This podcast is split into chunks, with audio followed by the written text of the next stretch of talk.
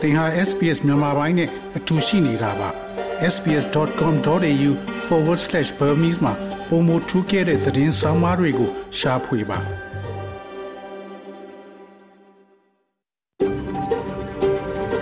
SBS A world of difference You're with SBS Burmese on mobile, online and on radio. mobile online နဲ့ radio ပေါ်မှာသင်ဟာ SPS မြန်မာပိုင်းနဲ့အ တူရှိနေတာဖြစ်ပါတယ်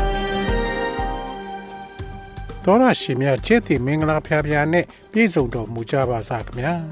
ဒီနေ့ဇန်နဝါရီလ28ရက်စနေနေ့မြန်မာပိုင်းစီစဉ်များကို SPS Radio မှစတင်တန်လှည့်နေပါတယ်ခင်ဗျာယနေ့စီစဉ်များကိုကျွန်တော်ကြော်ထုံးအောင်ခေါ် Terror အောင်ကတင်ဆက်သွားမှာဖြစ်ပြီးယနေ့ပါဝင်မဲ့ဆောင်းပါးတွေကတော့ လူနဲ့ New Year ဆိုတာဘာလဲ Australia မှာဘယ်လိုကျင်းပကြလဲဆိုတဲ့ဆောင်းပါးရှမ်းပြည်တော်လှန်ရေးလူငယ်များအဖွဲ့လင်းယုံအင်အားစုမှ ကိုရှမ်းကို မေးမြန်းထားကတန်ရွက်ခက်ကပေးပို့ထားတဲ့ပြည်တွင်းတိုက်ပွဲတွေကြားကစစ်ကောင်စီရဲ့လေကြောင်းထိုးစစ်များဆိုတဲ့ဆောင်းပါးတို့ဖြစ်ပြီးဒီနေ့ခေါင်းကြီးပိုင်းသတင်းတွေကတော့ radioactive ဓာတ်ပစ္စည်းနောက် Australia မှာပျောက်ဆုံးနေမှုကိုသတိပေးအီရန်နယ်ဖွာ VOA ဝန်ထမ်းကိုတပ်ဖို့ကြိုးစားသူ၃ဦးကိုရဲကဖမ်းဆီးရိုဟင်ဂျာတွေပြန်ပို့ရေး OIC ကဘင်္ဂလားဒေ့ရှ်ကိုအကူအညီတောင်း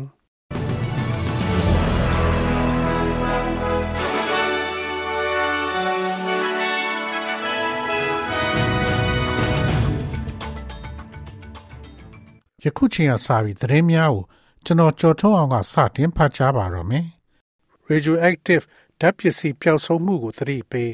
အနောက်ဩစတြေးလျမိုင်းတွင်မှ Perth သို့သယ်ယူလာစေထရပ်ကားနောက်ကျောမှာပြုတ်ကျသည့်အန္တရာယ်ဖြစ်နိုင်ခြေရှိသော radioactive ဆေးတောင်ကို အရေးပေါ်ရှာဖွေမှုဆက်လက်လှုပ်ဆောင်နေပါသည်။ Pilbara မှ Perth ရှိသို့လောင်ယုံသို့ကီလိုမီတာ1400ဝေးသောကုန်ပစ္စည်းပို့ဆောင်ရေးလမ်းကြောင်းတစ်လျှောက် radioactive ဓာတ်ဆိုင်ရာကျန်းမာရေးသတိပေးချက်ကို ထုတ်ပြန်ထားပါတယ်။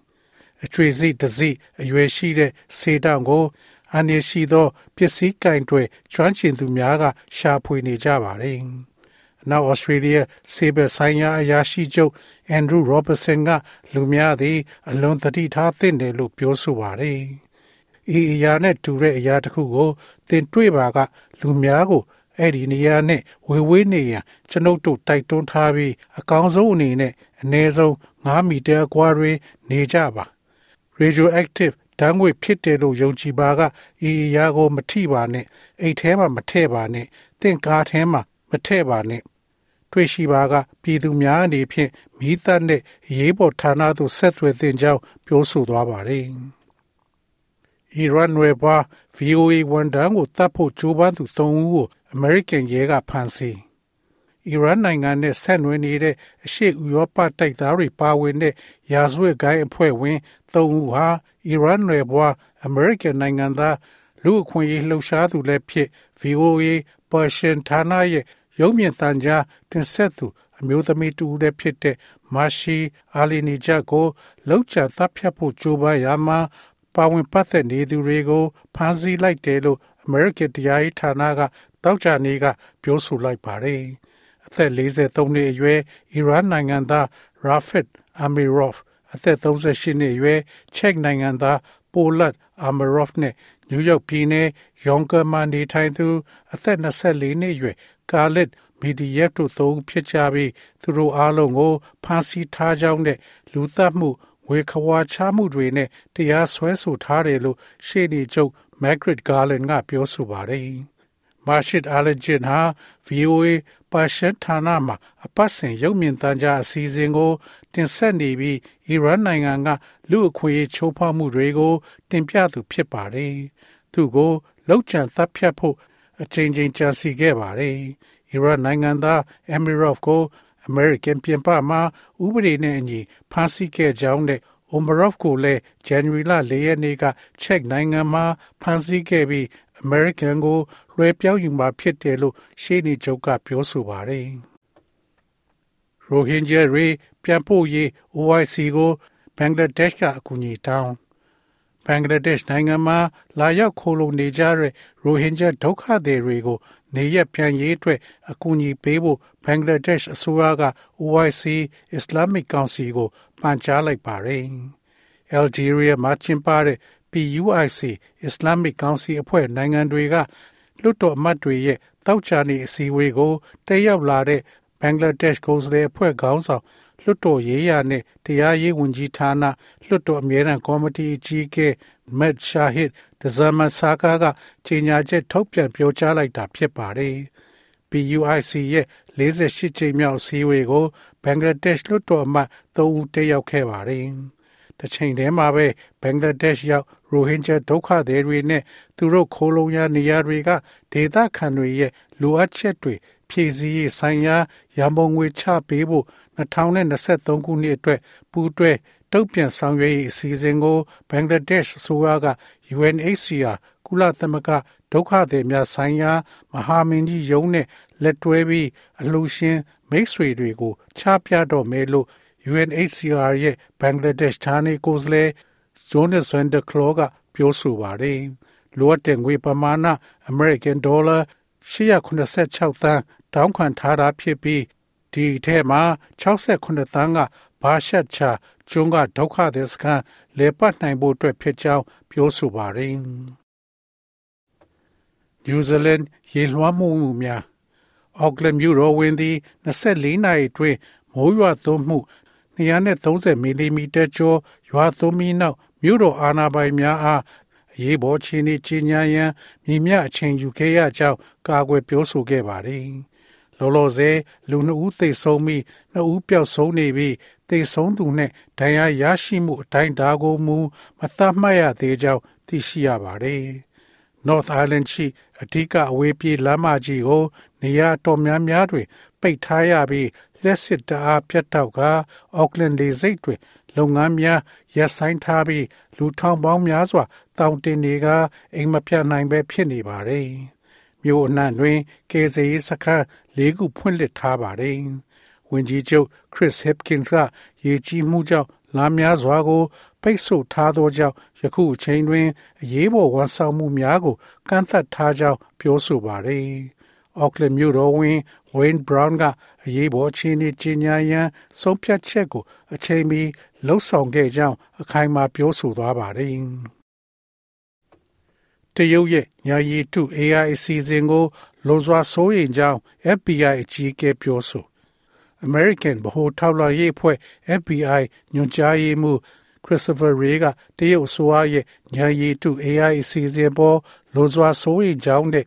ယင်းအစီအစဉ်အားတရားဥပဒေစိုးမိုးရေးမူအားဖြင့်ကန့်သက်ထိချုပ်ထားခြင်းနဲ့မရှိကြောင်းဇန်နဝါရီလ19ရက်တွင်ပြောကြားလိုက်ပါတယ်။တရုတ်ရဲ့ AI ရည်မှန်းချက်များသည်နှစ်ပေါင်းများစွာခိုးယူခဲ့သောညာနာဖြစ်စည်းပိုင်ဆိုင်မှုများနှင့်အရေးကြီးသော အချက်လက်များစွာအပေါ်တွင်တိဆောက်ထားခြင်းဖြစ်ကြောင်းဆွစ်ဇာလန်နိုင်ငံဒါဗို့စ်မြို့တွင်ပြုလုပ်တဲ့ကမ္ဘာစီးပွားရေးဖိုရမ်ရဲ့ဆွေးနွေးပွဲတစ်ခုတွင်ခရစ္စတိုဖာရေက ပြောကြားခဲ့ပါတယ်။တရုတ်ကဟက်ကာစစ်စင်ရေးညာနာပစ္စည်းခိုးယူမှုနဲ့ပြည်တွင်းပြည်ပရှိ အတိုက်ခံများအားဖိနှိပ်မှုများကို အတားအဆီးမဲ့ပုံမပြုလုပ်ရန်ဉာဏ်ရည်ထုဆိုင်ရာအာသာချက်များကို အသုံးပြုနိုင်ကြောင်း၎င်းကပြောဆိုပါတယ်။ယင်းသည်အလွန်ဆိုးရိမ်ပွေရာကောင်းသောကိစ္စဖြစ်ပြီးယင်းကိစ္စကိုအားလုံးအလေးနဲ့ထားသင့်ကြောင်းခရစ္စတိုဖာရေကပြောဆိုပါတယ်။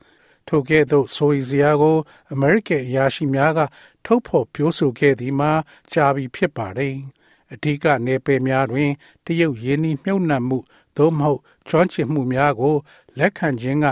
အန္တရာယ်များတဲ့အကြောင်းစီးပွားရေးလုပ်ငန်းအမှုဆောင်များပညာရှင်များနဲ့ဒေသန္တရဗဟိုအစိုးရအရာရှိများအားထမှန်သိပေးတဲ့ကြိုးပမ်းအားထုတ်မှုတစ်စိတ်တစ်ပိုင်းဖြစ်တရုတ်ရဲ့ AI ရည်မှန်းချက်များအကြောင်း American တံပြတ်ထောက်လှမ်းရေးအရာရှိများက2021ခုနှစ်အောက်တိုဘာလတွင်သတိပေးချက်ထုတ်ပြန်ခဲ့တာဖြစ်ပါတယ်။ American ဒီပညာကုမ္ပဏီ Google အမှုဆောင်အရာရှိချုပ်ဟောင်း Eric Schmidt ဦးဆောင်သော AI ကော်မရှင်က AI အသုံးပြုနိုင်သည့်လက်နက်များကို လေးလာခြင်းအပါအဝင်တရုတ်ကိုတံပြန်နိုင်ရေးအတွက် AI စွမ်းရည်ကိုမြင့်တင်ရန် American အား2021ခုနှစ်အစောပိုင်းကတိုက်တွန်းခဲ့တာဖြစ်ပါတယ်။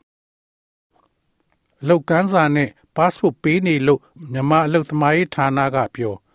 မြန်မာနိုင်ငံမှာနိုင်ငံကူးလက်မှတ်ထုတ်ပေးဌာနကနိုင်ငံကူးလက်မှတ် passport စာအုပ်တွေထုတ်ပေးတာကိုလက်တလောရနာထားပေမဲ့ပြည်ပအလုတ်ကိုက်ရှာဖွေရေးအေဂျင်စီတွေဘက်ကအလုတ်ကလားစာနဲ့ပူးတွဲပြီးရှောက်ထားလာမယ်ဆိုရင်တော့နိုင်ငံကူးလက်မှတ်ထုတ်ပေးမယ်လို့အလုတ်သမားရေးရာဌာနကပြောဆိုလိုက်ပါတယ်။ အလုတ်ကိုင်းရှာဖွေအေဂျင်စီတွေဘက်ကပြည်ပနိုင်ငံတွေရဲ့အလုတ်ကမ်းလန်းစာနဲ့ပူးတွဲလျှောက်ထားမယ်ဆိုရင်ပါဆွတ်စာအုပ်တွေထုတ်ပေးနေကြောင်းပြည်ထောင်ရေးက blacklist အမဲစရင်မပါတဲ့ agency တွေဆိုရင် သူ့လှုပ်ထုံလုံနည်းအတိုင်းဆက်လက်ပေးမယ်အခု133ခု agency ကို blacklist သူတို့ကြီးညာထားတယ်အဲ့ဒီ agency တွေကကျွန်တော်တို့စီကတဆင့် passport ရှောက်မယ်ဆိုရင်အဲ့ဒါကိုလောလောဆယ် pending လုပ်ထားတယ်ဆိုင်းငံ့ထားတယ်ကြံတဲ့ clear ဖြစ်တဲ့ company တွေကျွန်တော်တို့ပုံမှန်လမ်းကြောင်းတိုင်းဆက်လုပ်ပေးနေတယ် SBS SBS SBS SBS SBS This is SBS Radio.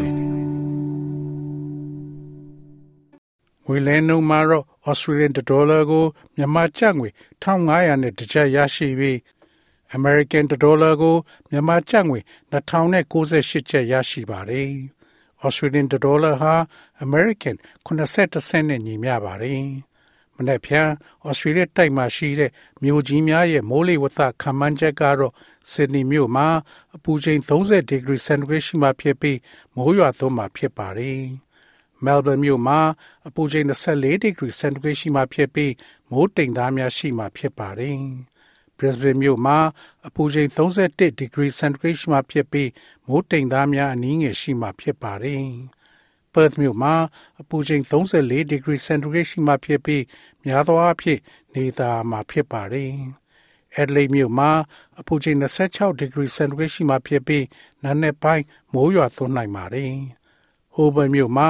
အပူချိန်23ဒီဂရီစင်တီဂရိတ်ရှိမှဖြစ်ပြီးများသောအားဖြင့်နေသားမှာဖြစ်ပါတယ်။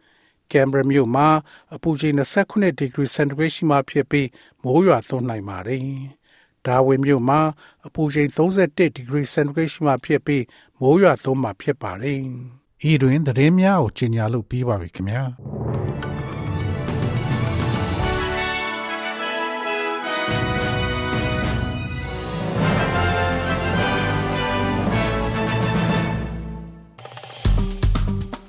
SPS မြန်မာပိုင်းကို Facebook ပေါ်မှာ like ရှာပြီး like မျှဝေမှတ်ချက်ပေးပါ